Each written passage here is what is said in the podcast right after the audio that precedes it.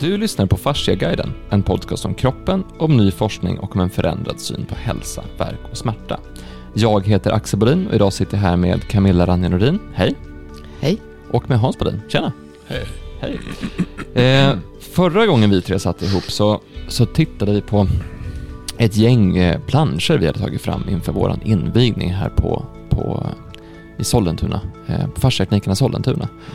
Och det var ganska intressant att gå igenom vad vi har gjort de senaste fem åren eller tio åren kring, kring fascia och hur man förstår det här, hur man förklarar fascia och så vidare.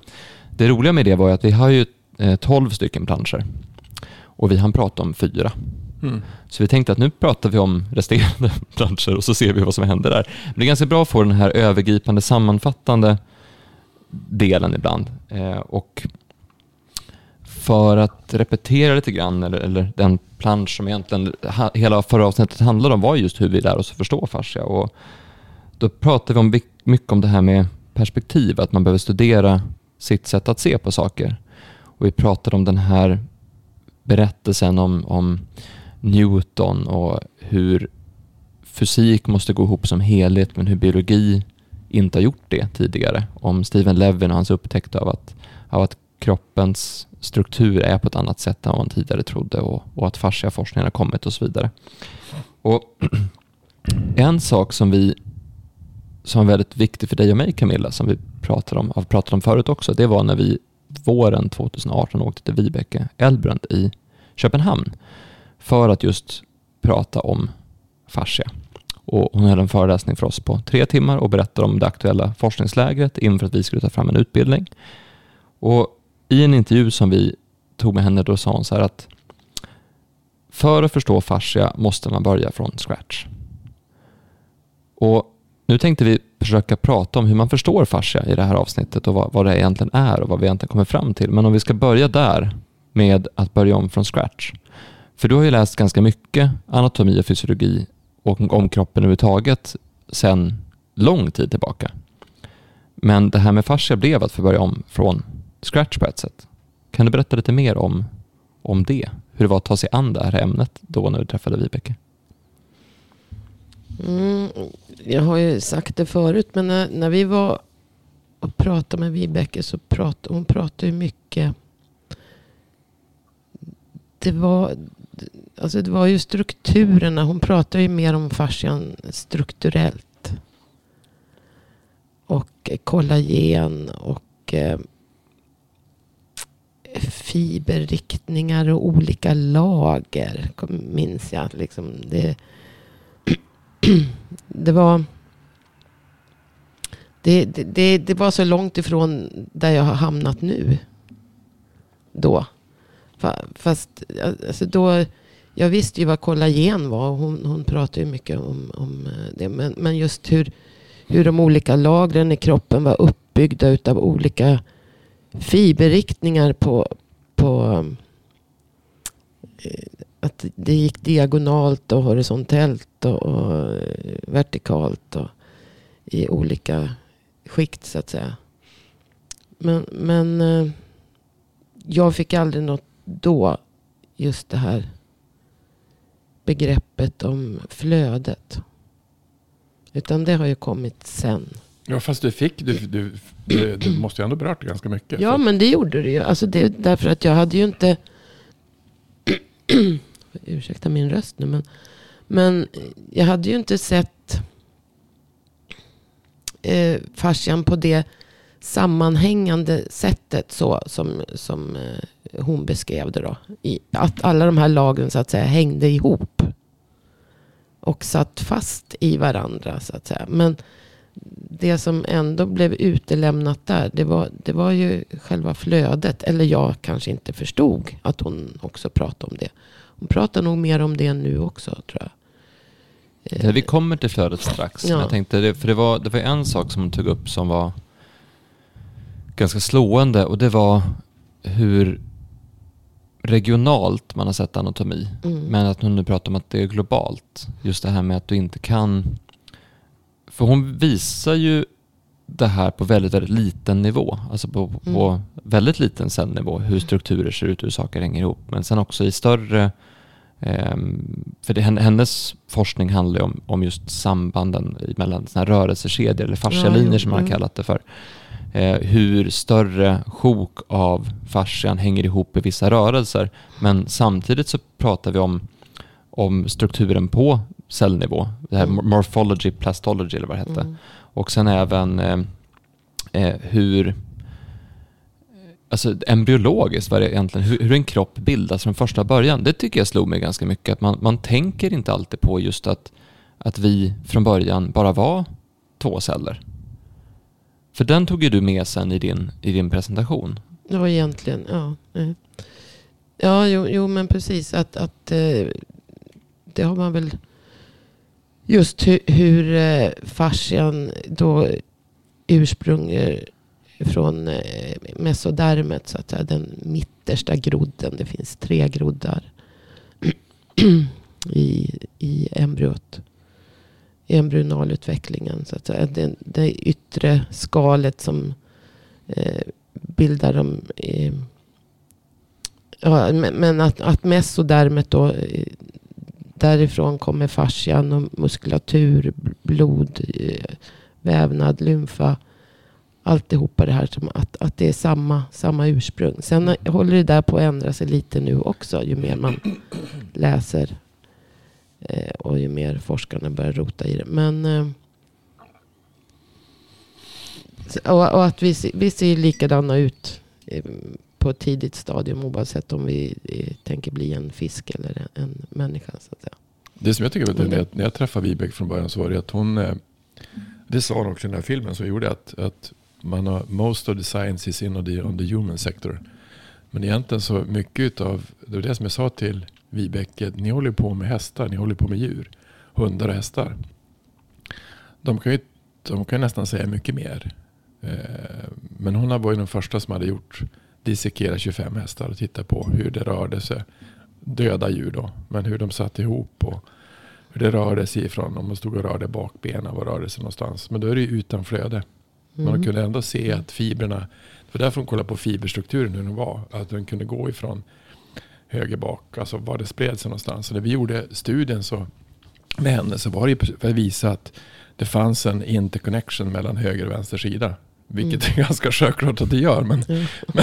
men, det, men det är ju det. Men, men det var någonting så det var någonting så radikalt annorlunda. Och det, och det visar ju så, alltså så lite. För det vi egentligen gjorde det var ju mäta musklernas struktur på ena sidan. Alltså sex stycken muskler. Och sen sex stycken muskler på den andra sidan. Och se vad hände om vi körde med våran maskin. Jättekort på tre ställen. Mm. Och det fick ju effekt, alltså enorm effekt. Alltså, och då, då kan man säga, vad, vad heter det man... ehm, alltså när du, när du, när du har fäst ursprung, när du, vad heter den typen av teori? När du, Ursprung och fäste. nej men när du eller? håller, när, du, när det lösgör någonting så här, vad heter det? Ak- Akupunktur. Ja. Det är ju samma sak. Att man, man ändrar trycket i en muskel. Men här gjorde vi ändra vid trycket i en muskel genom att göra nästan ingenting. Så att ehm, jag tror att det var 2015. Jag tror att det var svåra egentligen. Det är att det är så banbrytande. Vi är så skolade i att tänka delar. Alltså bara tänka delar istället för att tänka helhet. Eh, jag träffade, det var någon när vi körde, jag tror att det var någon av de första användarmöten vi hade. Hon sa att det är väldigt viktigt, eh, tänderna för en häst. Jaha, jaha. tänderna är viktigt, för det är klart det är viktigt. Det är, och det, det är ju det som man, alltså vi har ju vi har delat upp så mycket specialiteter i, kroppen så att det är o, o, oslökt mycket. Men Jag träffade en tandläkare i London eh, som hörde av sig till oss när vi skulle åka dit. Jag gör slut i London och så var det en tandläkare som hade hört av sig. Så tänkte vi träffar honom när vi Mm. ändå är där. Och han hade uppfunnit en metod som heter mewing, tror jag, om jag minns Mm. rätt. Och då var det att genom att jobba med tungan på ett sätt så att man ändrar käkens position ja, så kunde man bli av med, med ryggvärk Ja.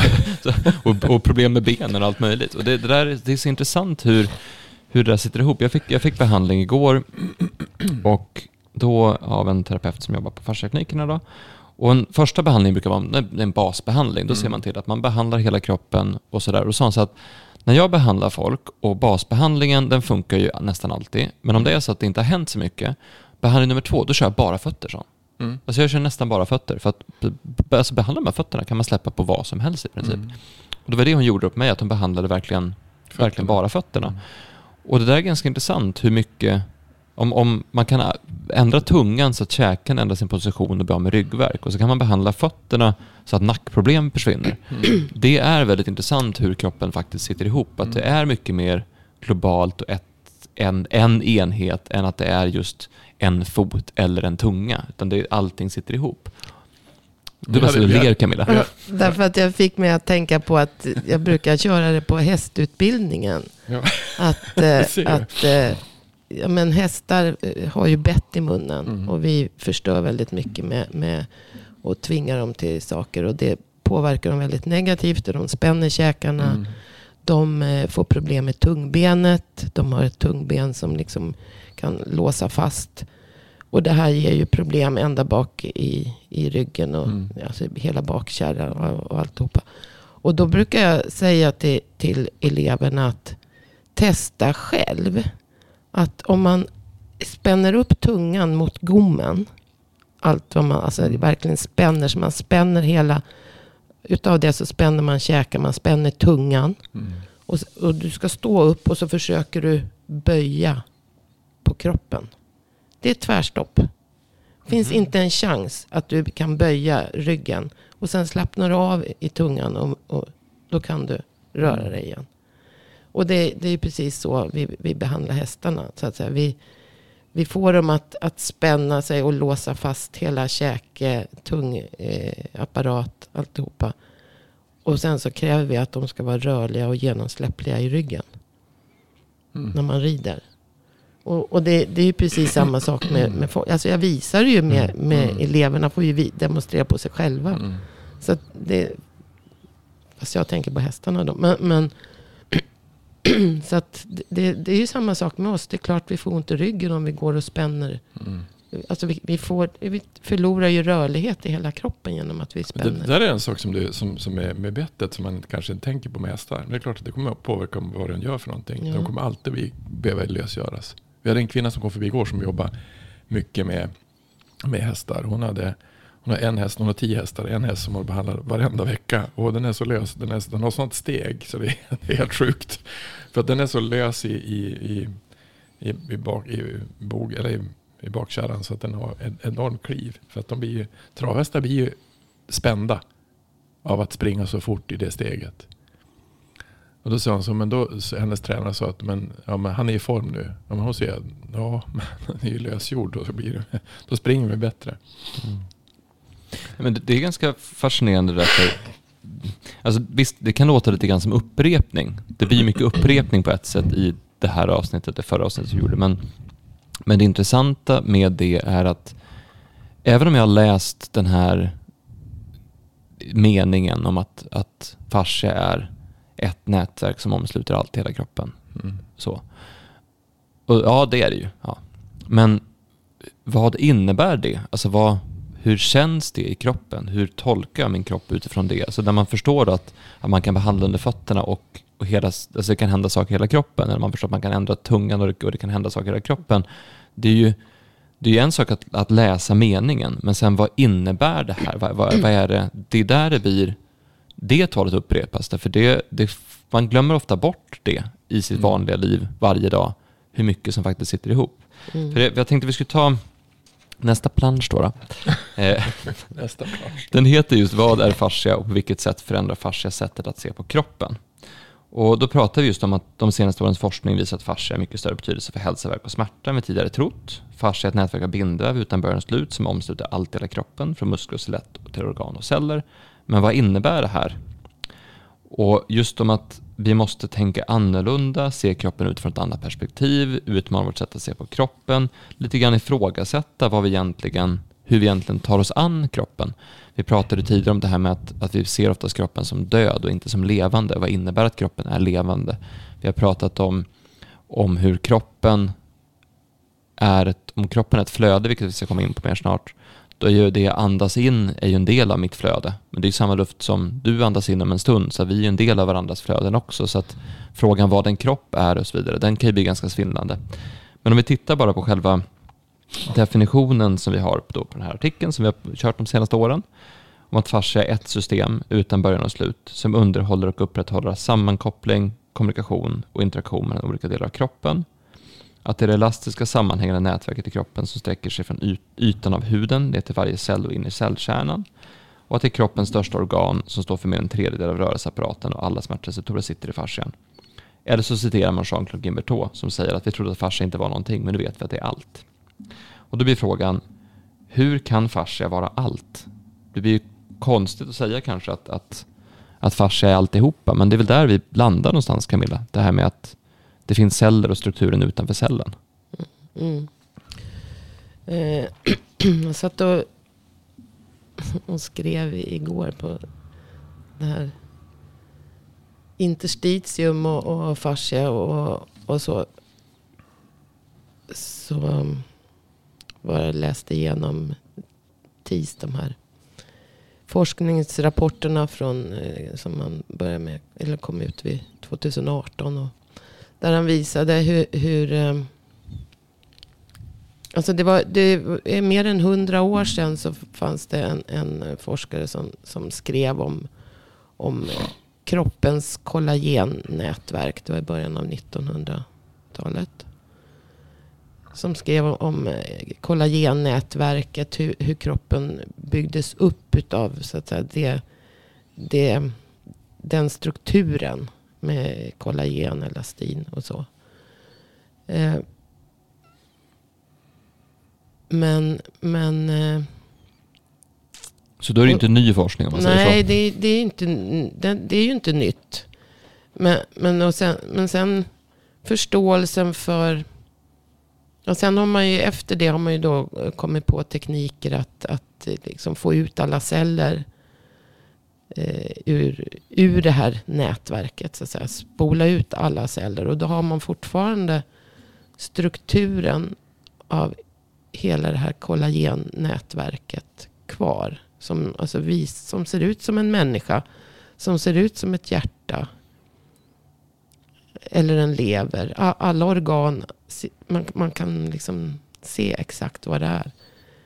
Det är bara som, fast det är honungskakor istället om man säger så. När, när alla celler är utflugna. Eller utspolade. Eh, men det visar fortfarande inte det här flödet emellan. Så man tar bort allting i kroppen, mm. förutom All, kollagenstrukturen. Ja. Ja, Då ser man hela kroppen som ett, som ett hjärta, som en lever, som ja. eh, skelett, som mm. alltihopa. Så, mm. så att tar man bort allting förutom kollagen så ser kroppen i princip likadan ut. Ja. Det är ju rätt du, du, du, har, du har en stomme, du har liksom ett, en byggnadsställning eller vad du ska kalla det för. som alltså ser ut precis som, som kroppen. Sen är det här fyllt med celler. Men de, de är då med tekniker som man liksom spolat ut det. Och det här har man ju då använt också. Det har ju givit kunskap om, om eh, att få fram, odla fram nya organ och nya celler så att säga. Till, till att, att, transplantationer och så. Inom den regenerativa medicinen som det heter. Men du håller på att skriva en artikel nu om, om interstitium, fascia och det här med organ. Alltså kroppens största organ. Mm. Ska du berätta lite kort om vad, vad, är, vad är interstitium och vad är fascia och vad är, vad är ett organ? Ja, alltså... interstitium och fascia är ju egentligen samma sak. Fast det är olika forskare som, som benämner just det här skelett skelettet, om man säger det mjuka skelettet i kroppen. När jag säger skelett så menar jag inte bara det mineraliserade, vårt skelett. Utan hela det här kollagennätverket, den här byggnadsställningen som bygger upp hela, hela kroppen. Och som sträcker sig genom, alltså, sträcker sig mellan och genom alla organ. Det spelar ingen roll om det är en njure eller en lever Allting har kontakt. Det går kollagennätverk och kollagenskelett så att säga. Kollagen, kollagenbyggnadsställning. Emellan, som, emellan levern och eh, allting runt om, som finns runt omkring levern. I bukhålan där levern sitter.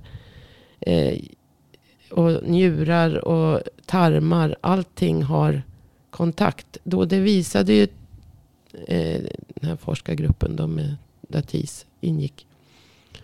Eh, att han injicerade eh, till exempel olika tat tatueringsfärg. Alltså oorganiskt material eh, injicerade han på olika ställen. Bland annat i huden och, och eh, i, i tjocktarmen. Och såg, och, och sen även um, kollodialt silver. Och då såg han hur det här spred sig. Så man kunde hitta de här eh, pigmenten långt bort ifrån injiceringsstället.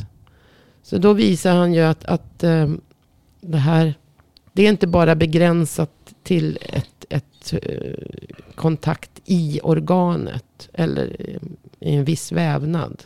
Och där är det instängt. Utan det vandrar iväg. Och sen så visade han också samma, på samma sätt att de färgade för hyaluronsyra. Och då såg att hyaluronsyra, man, alltså när man har tittat på histologiska mikroskopiska eh, snitt på, på vävnad förut. Så har man använt en, en viss fixer, man fixerar preparaten. Och då menar han, när man fixerar preparaten så får man en massa artefakter. Alltså man får, och, och skär i de här snitten så, så, så har man isär vävnaden. Och man får hålrum. Som man har, har trott har varit hålrum. Men det är egentligen då felaktigheter. Så vad, vad han gjorde var ju att han frös ner preparaten. Till minus 20. Eller kanske ännu mer. Jag kommer inte ihåg. Men jag har för mig att det stod minus 20. Och sen snittade han upp det. Och då fick man inte de här artefakterna. Utan då, då kunde man liksom. Det vart en helhet. Allting satt, satt ihop fortfarande. Så man, man eh, slet inte isär det så att säga. Och, och sen så när han då färgade för, med hyaluronsyra också. Eh, det här gjorde de väl både in vivo och också eh, in vitro. Och in vivo alltså en levande kropp? En ja, precis. Mm. Mm. Men då, då såg man alltså att, att alla de här mellanrummen mellan kollagentrådarna, elastintrådarna, all, alla de här proteinfibrerna som, som bygger upp hela skelettet i kroppen. Att det fanns hyaluronsyra precis överallt. Så att, och, så att det, var, det finns inga tomma utrymmen utan alltihopa Eh, liksom uppbyggt av hyaluronsyra som alltså binder vatten. Det finns andra molekyler också men framförallt hyaluronsyra. Det var ju det han färgade för. Eh, och det binder vatten och vilket gör att det, det, så att säga, det är hyaluronsyran menar han som som sköter flödet i, i kroppen. Deltar i flödet i kroppen. För hyaluronsyran i sig flödar inte iväg. Utan hyaluronsyran pushar bara iväg vattnet emellan hyaluronsyremolekylerna. Vi är sponsrade av Fasciaklinikerna de senaste årens forskning visar problem som till exempel ryggverk beror på inflammation i fascian och när de spindelnätsliknande kollagentrådarna klibbar ihop så hamnar nervändar i kläm och signalerar smärta. På fasciaklinikerna finns både hjälp för stunden med smärtlindrande fasciabehandling och specialistutbildade fasciaterapeuter som hjälpt tusentals människor få bukt med grundorsaken till deras besvär. Boka ett besök hos någon av Sveriges alla fasciakliniker idag på fasciaklinikerna.se. Det har hänt mycket med att titta på makrokosmos, alltså universum. Och eh, man, man trodde ju först, det fanns mellan 40 och 60-talet så hade man något som hette steady state. Att universum såg ut som det gjorde. Det var, det var exakt så det var. Det hade inte nått någon förändring. Och sen genom att man började använda andra analysmetoder fick man fram en bakgrundsljud som var. Och då såg man att universum hade kommit från ett mindre och så fick man att det var oändligt. Och det är ganska, alltså oändlighet är ganska svårt att förstå. Eh, men egentligen så bor vi i en oändlig kropp som hela tiden förändras. Mm. Eh, och som har en massa olika funktioner. Det är det perspektivet som är svårt att ta in. På samma sätt som att jag tror att det var eh, Nobelprisen var för bara ett par, tre år sedan. Så hade man också sagt att universum trodde man eh, inte expanderade. Utan att det var, men att det expanderade i sån fart. Alltså fruktansvärt snabbt. Det är också någonting som förändrar hela makrokosmos hur man såg på. Och där har vi ändå börjat titta på. De har gjort samma sak. Man har gått in i, i hela universum, hela skapelsen som finns att titta på. Eh, genom att köra ihop, krocka saker och ting i, i, på CERN. Och man gjorde för, för, I USA började man det från början. Och man har ju svårt att fick ihop de här olika teorierna som fanns. Eh, det blir bara mindre och mindre. Och det är precis på samma sätt kan man säga, Metaforer på samma sätt har vi gjort i, i kroppen. Att vi har gått ifrån att, att ha ett, ett typ av helhetsperspektiv till att gå ut, ifrån att otroligt specialiserat.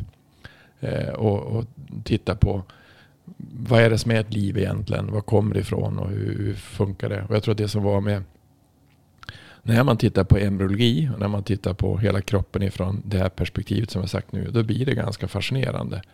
Eh, men det är väldigt svårt att, att hitta en, en, en, en, en yta att prata om det. För de flesta som Vibeke råkade ut för, när hon presenterade den här forskningen som hon hade så hon var ju nästan utfryst som veterinär för lite annat perspektiv. Veterinärer tittar inte på det sättet på kroppen. Eh, och, och det, då kan man säga att de lyssnar och säger men läkarna gör, läkarna gör inte heller Men de som forskar är veterinärer och läkare. Och alltså anatomister och medicinare som Takala Stecco är ju hon är professor i anatomi, visst är hon det? Mm. Så att det, är, det, är, det är inte så att en del säger att men, det ni håller på med, är det, är det humbug? Eller som någon som sa, ni hittar på det här själva. Och det är det som du sagt, som du sagt många gånger också. Att fascia är ett, ett annat perspektiv. Det man har gjort egentligen som man gör nu när man pratar om interstitium och fascia. Det är samma sak. Mm. Det att man delar upp, men är det flödet eller är det flödet eller strukturen? Ja, det är flödet och strukturen. Och det, då, då måste man som och då, då, blir det, då blir det, vad kallar man det, när man börjar diskutera om saker, om, diskutera om helhet, fast man pratar om helhet. Man bråkar egentligen om vilken, det var egentligen som vi gjorde från början när vi var på Fascia kongress i 2015. Man börjar bråka om definitioner och begrepp. Istället för, att, istället för att som Ti säger att när vi börjar prata om samma sak och se samma sak, då kanske vi kan få österländsk och västerländsk sätt att se på kroppen som går ihop. För egentligen som, som Vibeke säger att it's pure anatomy. Alltså mm. fascia det är ingenting att snacka om. Det finns där, det är ingenting som vi hittar på. Och förstår man det. Som jag hade en kvinna som jag behandlade i var det, två, förra veckan nu. Eller veckan som kom som hade haft en hon hade problem med sina ben. Eh, men egentligen har hon gjort hon hade opererat sina bröst. Alltså för cancer. Och kan brösten ha någonting med, med kan en operation av att ta bort ett bröst ha någonting med benen att göra? Och då om man ser det från att om du ser att om du har gjort någonting, då har du dragit ihop, alltså runt bröstkorgen har du dragit ihop någonting och tagit bort någonting. Det är klart att den, det blir ju en, en det blir ju ett sår. Eller hur? Framförallt tar du bort väldigt mycket lymfnoder ja, också. Så det blir något konstigt. Det blir både flödet är annorlunda och såret är annorlunda. Trycket är annorlunda. Det vi gjorde då egentligen att, att vi tryckarlastade. Hon var ju sned då i, i överkroppen. Och då höll vi på att trycka och lasta först benen, alltså, alltså ändra strukturen i vävnaden, benen och fötterna. Och bara när vi gjorde tryckarlastning på ben och fötter så ändrades hennes överkropp. Och så, och så sen tryckarlastade vi, släppte alltså mycket av det som var runt skulderbladet så att det fick mer rörelse där. Alltså det, det blir komprimerat utav, utav, eller komprimerat eller sammansatt utav operationen. Och då, då släppte också det lite mer. Och så satt upp i nacken och så for det ner i bäckenet. Då ser man ju, alltså vi har ju lätt för att se kroppen som tvådimensionell ifrån tredimensionell eller som du säger multidimensionell. Alltså hur påverkar en ett skulderblad en höft eller tå eller, eller då ser man det tredimensionellt så blir det ganska intressant att se var far det här, den, den vridningen någonstans, om det, om det följer fibrerna som Vibeke säger, var far den här strukturen någonstans? Ja, det far dit ner eller far det dit upp? Så då får man vara ganska man får vara lite kreativ när man ser det. Och, så, och tänka tredimensionellt är precis som att vi är inte riktigt van vid det. Alltså det är som jag, när vi tar fram nya maskiner och, och verktyg och grejer. Då ska alla de här, mina kompisar de har ju 3D-ritningar. Det, det, är svårt med 3D, alltså man har svårt att förstå det. Och då är vi multi-D. Då är vi mycket mer dimensionella än vad, vad, vi tror att det är. Dessutom ett flöde. Så det, det vi gör ju oftast när vi gör maskiner och gör saker, då är de ju stilla. Alltså fokuserade i en 3D-struktur. Vi fokuserade, vi kan byta 3D-strukturer inuti det här som du säger som är multi Och tar du en travhäst eller en, en, en, en ryttare som sitter på en häst som hoppar och svänger och grejer. Det är, det är otroligt fascinerande hur det egentligen sitter ihop. Ja, det är där det är så fascinerande att det börjar, att det, att det här börjar komma fram nu. För om du tar då, vi börjar prata om Steck och vi börjar prata om Niltis. Alltså Niltis är en, det är en professor i patologi och det, jag tänkte, för han har ju då pratat om, han har inte upptäckt interstitium. Det har ju funnits, Nej, nej, det, det är ju nej. sedan gammalt Nej. liksom. Men det som är Men- intressant, för Men han, ska, han har visat att det är kontakt mellan alla Exakt. organ precis Och- genom hela kroppen. för då finns det här, det här, det här är en artikel från, från SVT faktiskt, Mm. SVT Nyheter från eh, 2018. eh, 2018 i april. Mm. Och då säger det så här att eh, Den forskaren kom, Den bakom, kom ut i mars Mm. 2018 den här artikeln. Precis. Så, mm. forskaren bakom Nilfis anser att de vätskefyllda hålrummen skulle kunna vara ett hittills oupptäckt organ. Och då säger han så här, först antog vi att det bara handlade om en vävnad med intressanta egenskaper. Det är ju det som vi har pratat om med fascia. Mm, mm. För nu, nu är frågan så här, vi har ju fått frågan, hur, vad kommer det här med att fascia är ett organ ifrån? Ja, det kommer härifrån. Men sedan får man tänka på hur begreppet organ definieras. Alltså vad är ett organ? Mm. Vanligtvis handlar det om två saker. Att det ska ha en enhetlig struktur eller att det är en vävnad med enhetlig, eh, med enhetlig funktion. Så att antingen ska strukturen vara densamma eller funktionen densamma, säger då. Och han menar att interstitium uppfyller båda de här kraven. Så det är inte bara ett krav, det är två krav den uppfyller. Strukturen är densamma var man än tittar på den och samma gäller funktionerna som vi nu börjar förstå. Så att rent definitionsmässigt, vad är ett organ, så är det här ett organ. Det går liksom inte att sådär.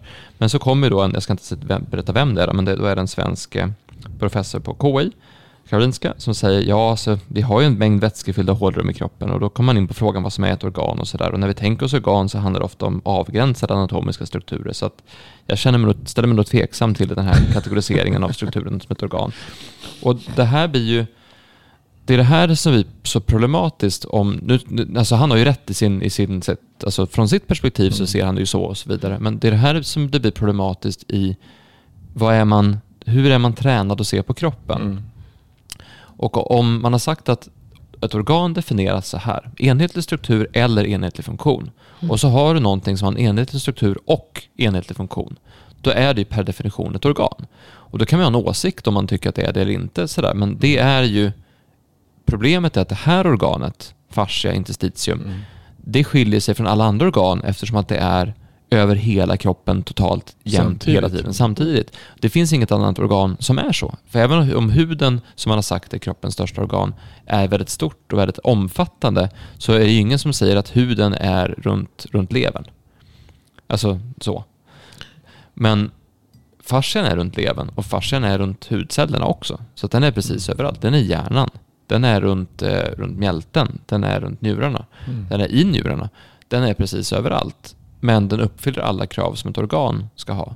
Och det är det här som blir det spännande som händer med Fascia Research Congress som är Fascia Research Society och de här kongresserna som du går på digitalt nu kan vi och så vidare. Det är att nu börjar, för vissa blir det så här, ja, det där lät jobbigt. Jag ställer mig tveksam till den här kategoriseringen. För vissa blir det ju så. Mm. För vissa blir det, wow, det här kan förändra hela sättet vi ser på kroppen. Låt oss forska mera. Och det är de forskarna som, som är intressanta att, det är de som vi lyfter fram och gärna pratar om. För det, det, är ju, det här är ju början på ett nytt sätt att se på kroppen. Frågan är, behövs det ett nytt sätt att se på kroppen?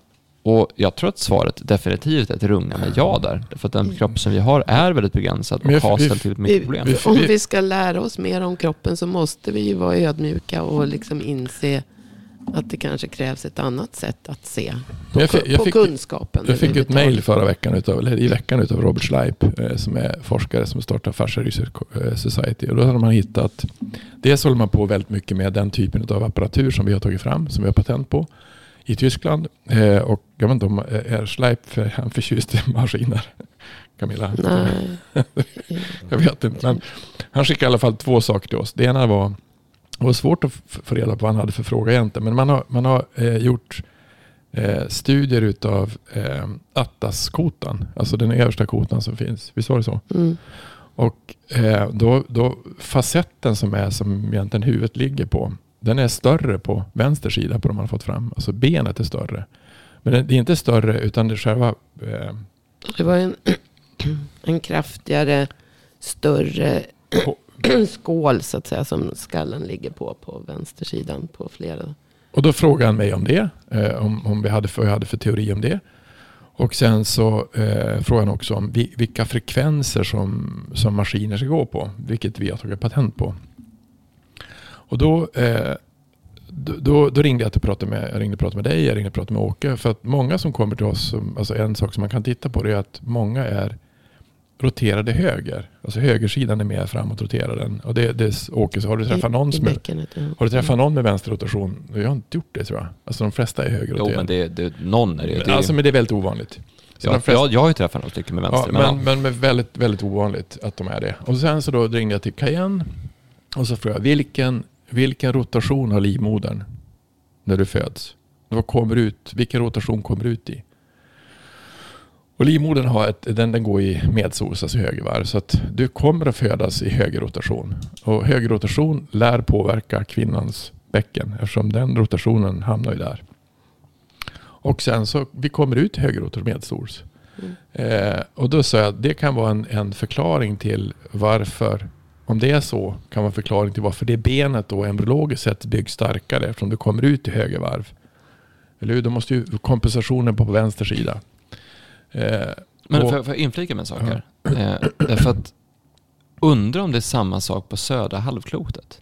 Ingen aning. För det, ni vet väl om det här fenomenet att om du spolar en toalett ja, så åker det åt höger.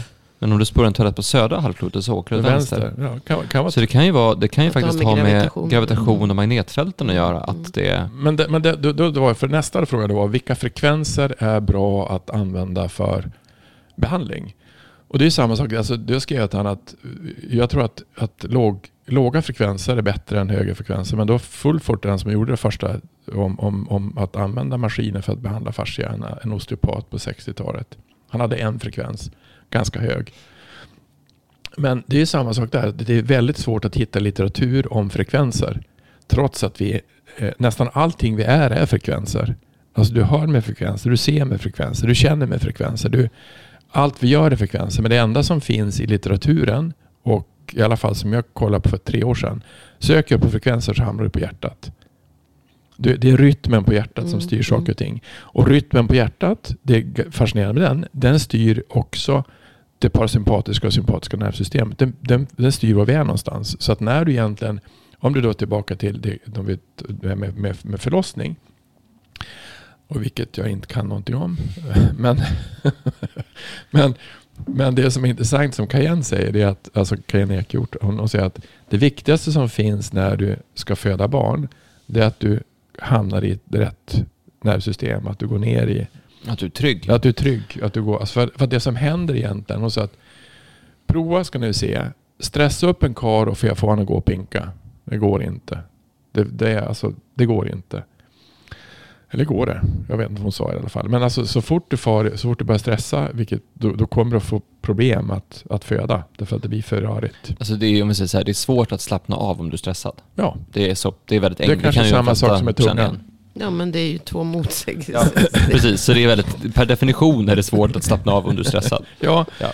Men, men så, så att, och, och, då är det ju frågan hur mycket, eh, för det har vi säkert med på någon sån här plansch också, hur mycket, hur mycket stress har vi egentligen i kroppen och vad är det som, som händer? Med, med, för egentligen är vi ju samma, vi är samma människor. Men förklaring som, som jag, det, det som jag menar som jag tog exempel med Schleip, att hur, han borde kunna veta det själv. Alltså hur, hur, hur svårt är det att tänka, alltså få hitta förklaringar på saker och ting. Om man tänker reduktion, alltså reduktionistiskt eller istället om du tänker helhet. Alltså om du bara tittar på saker och ting. Eller han som vi hade, han som hade den här, som du hade om foten vad heter han? Alltså om man, vem som var först. Spjutet eller, eller vad gå? Lieberman. Lieberman. Ja. Han, är ju, alltså han har ju, det var jätteintressant alltså, att titta på vad akillesscenen, vad, vad har den fått för funktion. Och, jag tror vi pratar om det avsnitt 30 eller 31 ja. om löpning och fötter och ja. Mm. Och då, då är tillbaka till, foten är jätteviktig för, mm. för, för det är det vi står på. Foten och vaden och det är det som är själva balansen i kroppen. Och höften. Och sen att, jaha, spelar det någon roll eller spelar det nog inte roll? Det är klart vi, alltså jag tror att 80% av hela vår kropp är rörelseapparat. Och det är klart att har vi fel på rörelseapparaten kommer vi fel på en massa andra saker. Men perspektivet är alltid svårt att ta med olika saker. Så vi får se vad vi får för svar från Schleip. Men jag tycker att rotationsax, rotationen på livmodern var intressant. Som Ja. att skicka, så skicka som svar på för atlaskotans skål är större på vänster sida. Mm. Och rotation är på höger. Alltså jag tror att den där södra halvklotsteorin skulle jag ändå vilja undersöka. är det så på australiensarna också? Det, är- Ja, det, men då måste vi kolla vad som händer om du... Ja, Ja. vad Ja, men händer? det, det, det skulle inte. Och sen är frågan om det blir, alltså om det anpassar sig till när man... Ja, då ska ju den vara, stö- då ska ju den vara större på höger sida Ja, istället. precis. Ja, men då är frågan så. om det är så att om man, det beror på om man är... Hur lång tid tar det? För jag menar, australiensare, de flesta australiensare är ju britter som åkte dit på 1700-talet eller vad det är, 1800-talet eller sådär. Ja, men det finns ju aboriginer. Så, ja, precis. De borde ju då, Då ha... ska, man göra, då ska man ju föreslå en sån undersökning Ja. kanske. Det finns mycket man skulle kunna forska på man... Väl, väldigt mycket man skulle kunna undersöka. Men jag lyssnade ju just på, på ett, ett seminarium för någon vecka sedan om eh, fascia och resonans. Och där man säger just, jag bara tänkte, bara kom på det, vi kan prata om en annan gång. Men, men eh, just att ingenting i kroppen är ju linjärt. Nej, Och nej. vi, vilket egentligen då, därför att där kritiserar man ju lite då det här med, med eh, fascia linjer och, Mm. eh, Mm. och det, därför att ingenting är linjärt. Och, och allting är spiralformat. Mm. Allting går i spirality så att säga. Så att det, Fast han har ju några linjer som är alltså så här, så här ja, också. jo, jo, Jo, jo, men men, det är ett det är ju att- fortfarande... Men det, är- men, det, men det är ju det som är, alltså fascialinjen Men- men är ju en alltså- förenkling. Alltså Ja, en extrem ja. förenkling. Jo men precis. Men, men sen, sen allting är ju... Eh, Allting är i kroppen, i- Ja, ja, ja, allting ja, ja. i kroppen med alla molekyler, allting, alltså kollagen, all, all- DNA, alltihopa har ju spiralstruktur. Hjärtat Mm. är en Ja, ja, spiral. ja, ja. Alltså, eh, all vävnad är uppbyggd i, i spiralform. Så att det Mm. är ingenting. Men jag tror att det man, kan, det man kan göra, som man kan göra om och om igen, det är att man kan titta på filmen Strolling Under the Skin med Jean, av Jean-Claude Mm. Man behöver inte Och se hela, den man är kan också se... lite artefakter. För det Ja. kommenterar ju Tis också. Att han är tvungen att eh, eh, Lägga in lägga in ljud, eller luft i, för, Ja. att få, för att liksom... För att kunna se det. någonting. Ja, det. precis. Men jag mejlade faktiskt honom igår. Eh, för vi, eh, jag, Fick du svar? Jag, nej, jag har inte fått svara. Men jag pratade med Colin Armstrong som är den här andra som skriver böcker Ja, tillsammans med ja. Bertot. Mm. Han är Ehm, osteopat tror jag. Ja, precis. För det är, ehm, det är tydligen så ska hans material börja bli tillgängligt. Vi tänkte ta hans material till dokumentären. Mm. För det är, det är fort, även om det, det är artefakter, absolut, och det, det kommer in ljus och det kommer in eh, luft och vad det är, så, där, så att man ska kunna filma, Jo, jo, så är det fortfarande en fantastisk... Det är nog inte... När vi har workshops och så vidare så är nog att se den bilden är nog det som har mest, gör mest intryck på folk. Så det, det kan verkligen... Men till det då, för att det, det han säger i ett annat klipp som vi tyvärr inte får lägga ut för din sån föreläsning som, som vi har låst. Då. Men då säger han i alla fall att han tittar på det här med organiserat kaos och there cells there and over here. There are no cells. And there are cells over here and one cell and two cells and no cells over there. Så det är liksom överallt. Det, det är verkligen... Det är Det ser så. totalt random ut. Och därför blir det svårt, det blir svårt när vi ska prata om kroppen och försöka förstå den eftersom att den är så komplex i sig. Alltså vi, bara, Mm. vi spelade inte av sig med Per nyligen och pratade om hur, hur kroppen faktiskt är ett stort mysterium. Men så allting vi gör blir ju bara sätt att försöka förstå det. Men ett av de mest intressanta sätten att försöka förstå kroppen, en av de intressantaste vinklarna, är ju det här med flöde. Därför att det, det, det är det någonstans vi försöker göra. Vi kommer, vi kommer aldrig kunna förstå kroppen. Och jag bara säger det, du sa Hans att jag kan ju ingenting om förlossning och så vidare. Jag kan ju ingenting om det här heller. Och du Camilla du har ju läst mycket som helst men tycker inte att du kan någonting. Så vi sitter ju inte här och, och säger att vi, att vi kan en massa saker. Men det vi försöker göra är att vi, om vi försöker förstå kroppen utifrån det här perspektivet. Vi försöker förstå kroppen utifrån Mm. en helhet, okej. Vi försöker förstå kroppen utifrån rörelse, okej. Vi försöker förstå kroppen utifrån vad som påverkar oss, aha. Vi försöker få, förstå kroppen utifrån hur vi tänker på den, okej. Och det som den stora grejen, jag tror att det här är vi nog lite unika på på ett sätt. Det är att försöka förstå kroppen som ett flöde. Eh, för den artikel som, den andra, den nästa plansch, eh, det är eh, fascia som flöde, ett helt nytt sätt att förklara kroppens funktion. Och den skrev ju du då Camilla hösten 2020 tror jag. Och så läste du den för något halvår sedan och sa att ja, men den här är rätt bra ändå. och vi pratade om det här under ett helt avsnitt faktiskt, om den, den den här artikeln, den här planschen som finns på Farsaguiden, den kan man läsa om och om igen. Men varför är det så intressant, kortfattat nu att förstå kroppen som ett flöde? Varför blir det så spännande att se kroppen som ett flöde? Camilla, det är du som har skrivit artikeln. Jag som ja. Varför tycker du att den håller fortfarande? Nej men jag tyckte väl bara när jag läste den att, att det var väl ett ganska enkelt sätt att för, förklara hur kroppen fungerar. Alltså hur... hur och, men det är ju det jag säger. Man, vi vet ju egentligen ingenting om hur kroppen fungerar.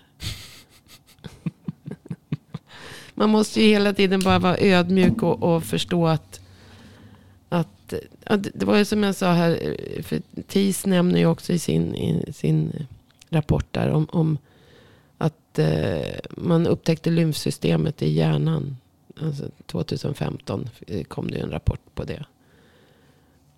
Och så att flödet från, alltså he- hela lymflödet fortsätter upp i hjärnan. Det är cerebrospinalvätska. Och liksom det, det är ett utbyte av allting. Så det, allting. det är inte bara olika instängda pölar. Så att säga.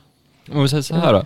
Och, Är det, är det mer sant att säga att kroppen är som en, en duschkabin full med vatten? Är det mer sant än att säga att vi är som ett torn av tegelstenar? ja. För ofta ser man kroppen som ett, som ett hus med en, med en Ja, grund jo, jo, som man men byggt upp och så Och vidare. det, och det är ju det här. Duschkabin, vad sa du? Duschkabin med? En duschkabin full med vatten. Ja, Jag tänkte badkar tänkte jag först, men det, det det, det blir en väldigt konstig bild. Då är det bättre, det är bättre, att, då är det bättre att säga, då är det bättre att säga att det ser ut som en människa fast med dusch inuti. Det blir, det blir roligare bilder än duschkabin. Du, må, du måste Hur, ju, fan, hur, hur sjukt är vi leva i en duschkabin? Det går ju inte. Men om du tar en människa, Nej, om du tar en men- människa med en men- dusch inuti, hur ser det ut? Ja, nej, men, det är ju fortfarande så blev det ju väldigt en instängd låda med vatten i. Och det är det ju inte heller. Därför den är För flöd, flödet går ju... Och vad är det- flödet? Det är ju inte Mm. bara ett vätskeflöde. Det är ju ett flöde. Det är ett flöde utav energier, utav magnetfält, utav Mm. ljus, utav allting. Och det går ju utanför den här en Yes. duschkabin och en instängda Mm. väggar. Så det, den teorin höll inte. Nej, det var bara metafor. Men om du säger, om du säger, om, om du säger att kroppen är som ett membran. Eh, alltså. Och så där, om vi säger att en sån här jordduk. Alltså, man, ska, man ska få lägga som andas. Säg att vi som en duk och så får nej det går inte under ingen bra det. Men, men däremot kan man titta på, alltså man tittar på andra, ibland har vi lättare att se andra saker än att se oss själva. Om du tar träd. Eh, jag tycker det var, det var någon som berättade om att träden är lika stora under jorden som ovan jorden. Det är större tror jag. För rotsystemet är så otroligt omfattande. Eh, och ett träd kan verkligen gå jätte, jätte, jätte, jätte, jättedjupt precis ner. Spegelvänt där. Så det, det är spegelvänt, vilket är, bara den tanken är så här, oj shit, vad, vilken värld det finns under jorden. Mm. För att, men om du tittar på ett träd och så tittar du på ett blad, för alla har väl i alla fall sett en närbild av ett blad. Alltså just den här otroligt, du vet, ju närmare man tittar på ett blad, desto mer spindelnätsliknande strukturer finns det. Desto bara, oj shit, och varje av de här rymmer vatten och du vet, hela den biten. Och vi är ju lika komplexa, om inte mer, som den. Alltså det, det, det som är skapat av naturen är väldigt, väldigt storslaget. Komplext och enkelt. Ja. Ja, det är precis. Det är både komplext, Komplext och men, enkelt men det. ändå enkelt i sin funktion. därför, därför tror jag det, Det- det som du, om du tog upp den här saken som, som, som du hade i avsnitt om andning. Alltså hur, när du läste den där dikten som var, alltså hur Anna som 2000 år gammal då det var för Ja, någonting. just det. Hur, hur otroligt, en sån enkel sak som andning, hur viktigt det är för hela kroppen. Mm. Eh, och egentligen så, så varför lär vi oss inte det? Men vi Alltså- kan det ju. Jag märker det på min dotter, hon andas ju. Hon andas på rätt sätt. Mm. Så att, när- men när det, vi det kanske, men väl att inte gör det. Det är det som är intressant. Alltså, som, som du sa med att, alltså, sa att alltså, som vi sa när vi pratade om kroppen med Per, att, att barn har ingen aning att de har en kropp. Ja, de, de, de kan ju, så sen så far de runt och så gör de saker till. Som du sa, att det är En fot. Ska vi stoppa den i munnen? Ja. vi testar och ser vad som händer. Men när vi börjar stressa och då slår vi ju på. Då stänger vi ju av det här parasympatiska. ja, vi slutar näsandas när vi stressar. Ja. Och alltså, alltihopa, stressen går ju emot allt eh, Naturligt. fysiologiskt naturligt bra, om man säger så. Väl fungerande. Men vild, En- en viss- en vilda, viss vilda stress. djur stressar inte mycket. Nej. Nej men alltså en viss stress eh, har ju med överlevnad att göra. Det, det, måste vi ha. Men just den stressen som vi... Jag kommer ett och så stressar det vilda djuret Ja, också och såklart. det är ju, det är ju en Men mer, bara då. det är ju en mer tillfällig stress.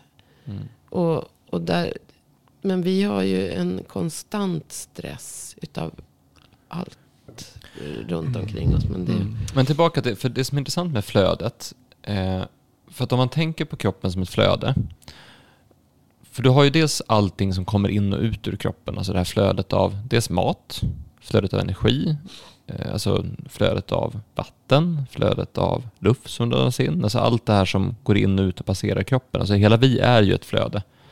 Det, det enklaste är att tänka på att man äter och sen bajsar man. Det, är- det, det är ett flöde, det är ett kretslopp, det går ju runt liksom.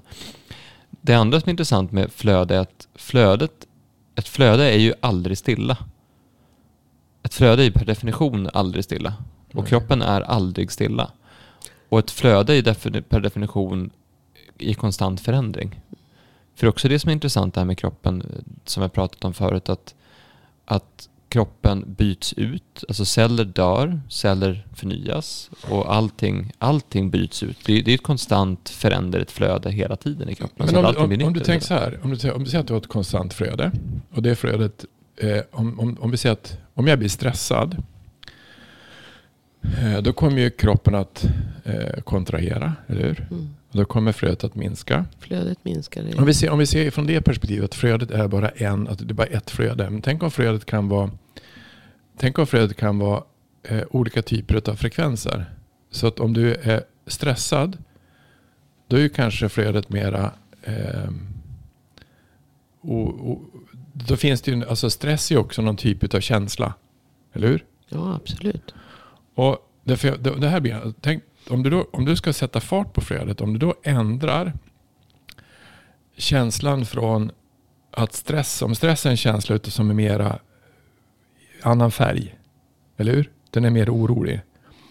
Eller om du går i om du går ett flöde, om du går in ett flöde som att du säger att jag ligger och tittar på himlen och så ser jag alla moln. Du blir lugnare. Eller hur? Och då kanske det är en struktur, en färg, en, en laddning. Mm. Eller hur? Och så går det till en, en känsla utav, utav total harmoni och kärlek. Alltså när Axel föddes eller när, när jag träffar Lotta eller så. Alltså när det, när det är total e- eufori, kärlek. Tror du att det flödet, det är olika flöden? Eller hur? Då kan du få en annan förklaring varför man kan läka fortare om man är glad. Eller den här, som vi sa, placeboeffekten som finns. Hur påverkar man placeboeffekten? Om jag är full utav, eh, full utav tillit. För tillit är ju någonting som finns i kroppen naturligt.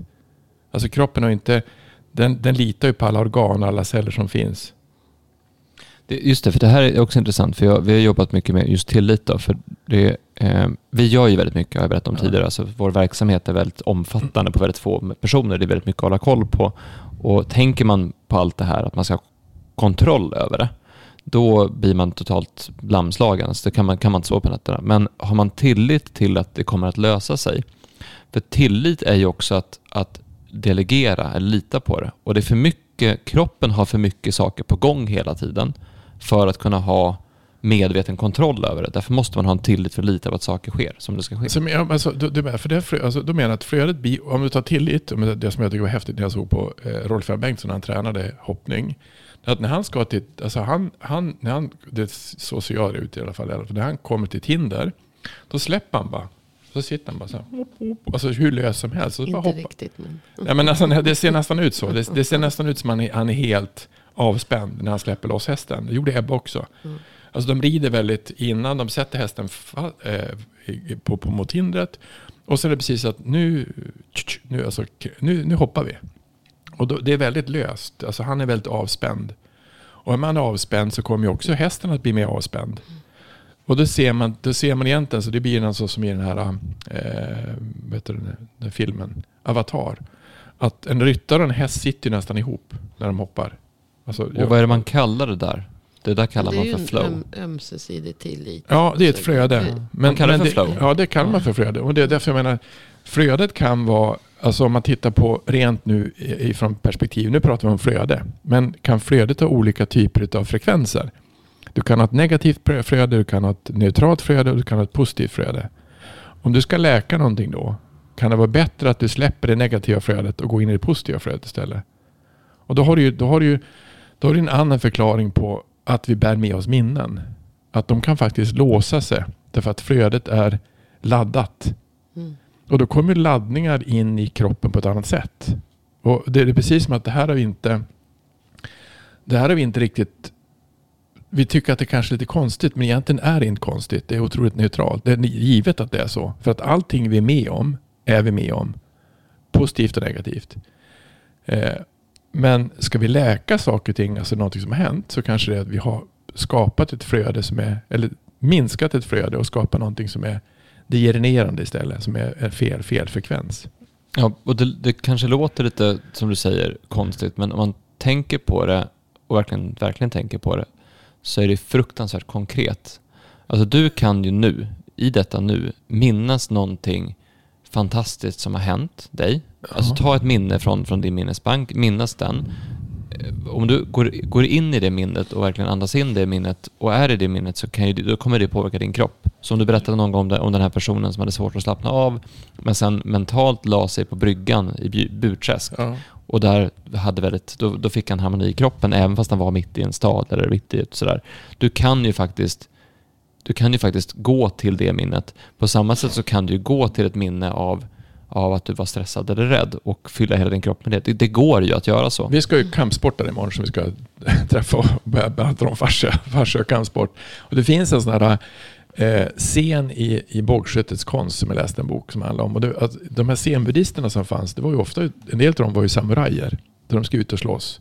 Och då, då, för, för att göra de två sakerna, att vara ute och slåss, så, så lärde de sig kalligrafi. Så man sitter och ritar någonting väldigt fint så här.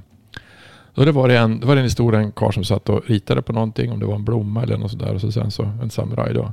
Nu ska vi ut. Ja, slog han ifrån sig och så gick han ut, slog ihjäl tre stycken och så gick han tillbaka. Fortsatte han.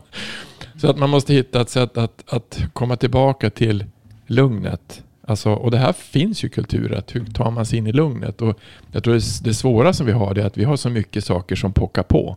Mm.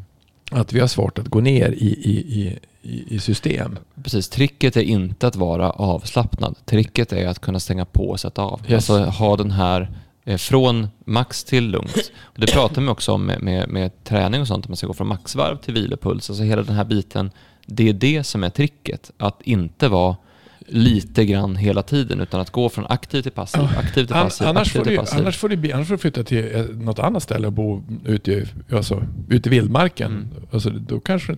För, för det minns vi pratar om i nervsystemet också, att man, man ska inte bara vara i det paras, parasympatiska Nej, nervsystemet, nej, utan du behöver det, vara i det, det det är aktiva. en balans mellan Ja. sympatisk och Mm. Och eftersom att parasympatisk. fascian, flödet i kroppen kräver rörelse, kräver stimulans. Du Yes. måste göra saker, du måste aktivt gå, du behöver få upp någon form av flås någon gång då och då för att få det här systemet att pumpa runt som det ska. Men du måste också ha den här totala vilan. Så att, så att mellanläget är egentligen det som är problemet, inte att vara mycket eller lite. Vi ska Mm. ju inte vara helt avslappade så att säga. Utan vi har, vi har ju, för att fungera väl så har vi ju en slags grundspänning. Så, Alltså gäller i fascian också. Mm. För att annars så blir vi ju amöber. Mm. Alltså, Men då faller vi ihop. Ja. Ja. det går ju inte. så vi måste ju ha en grundspänning som... Och det fick man ju inte av rymd. Alltså, när jag var i Mm. rymden så sa de, vi klarar ju inte av inte vara i gravitation. Då faller kroppen ihop. Så vi måste ha det här trycket Mm. för att funka. Därför gjorde man ju vibrationsplattor Mm. åt dem som stod i ett konstgjort tryck. Det, det med trycket blev, fick jag också bara en sån här flashback på en, en föreläsning. Som när en beskrev, eh, det berättade väl jag för dig. Men han pratade om, just nu eftersom du pratade om bågskytte.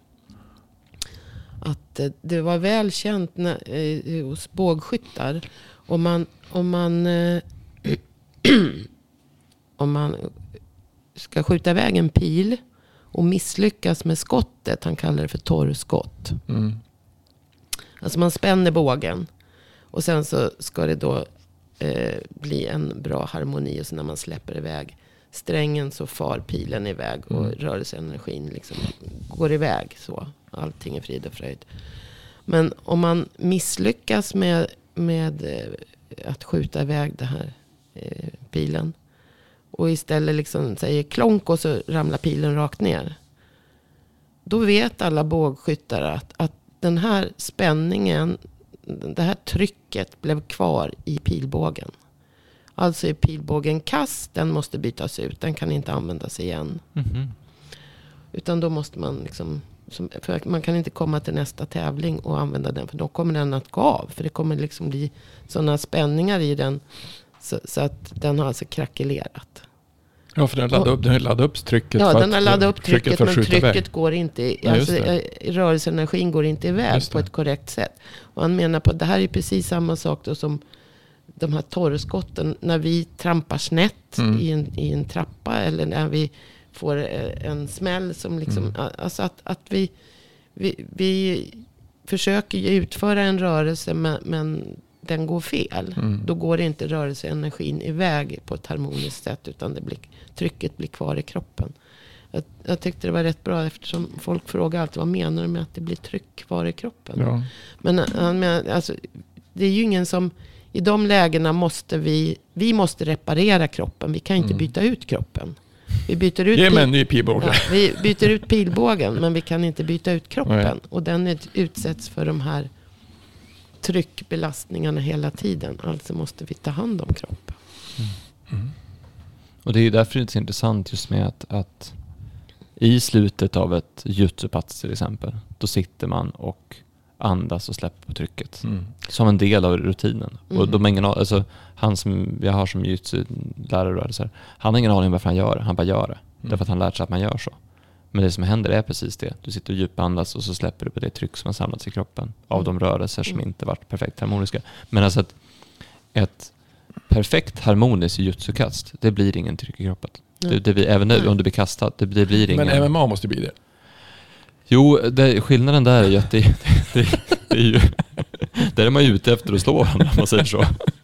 Ehm, så att ja, nej men det, det ska vara intressant att, prata om tryck imorgon. Ja. Eh, då kanske vi, det, blir det, det är kanske är där vi öppnar nästa avsnitt då, prata om tryck. Tryck. Men jag tror att alltså, en sak som ändå vill avsluta med, det är...